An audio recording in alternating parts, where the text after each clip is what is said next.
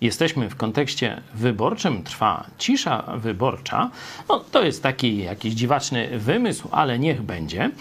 Porozmawiajmy sobie więc dzisiaj o takim ogólnym temacie. Co ma władza do głoszenia Ewangelii? Jak wiecie, mamy taki projekt czytania wieczornego Biblii, narodowe czytanie Biblii w czasie zarazy i tam czytamy dzieje apostolskie. Ostatnio weszliśmy e, w rozdział piąty, wcześniej zresztą podobny temat się pojawiał. Oto tam przeciwko sobie stanął pierwszy ten kościół apostolski i władza e, społeczno-polityczna reprezentowana przez arcykapłana i Radę Najwyższą Żydów. Na czym polegał konflikt?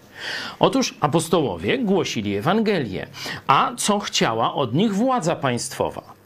No, żeby tej Ewangelii nie głosili. E, sprawa była na tyle poważna, że w piątym rozdziale, w 33 wersecie widzimy już, że władza we wściekłości chce zabić uczniów Jezusa, przywódców Kościoła. I wtedy wy, występuje pewien człowiek, nauczyciel żydowski, Gamaliel. I tłumaczy, możecie sobie to przeczytać, ale tylko fragment tego tłumaczenia władzy państwowej mówi tak: To też teraz, co się tyczy tej sprawy, powiadam wam, odstąpcie od tych ludzi i zaniechajcie ich.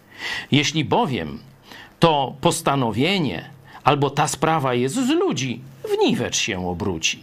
Jeśli jednak jest z Boga, nie zdołacie ich zniszczyć, a przy tym mogłoby się okazać, że walczycie z Bogiem.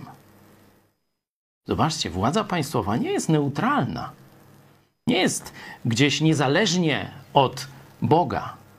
Ona może albo walczyć z Bogiem, albo nie.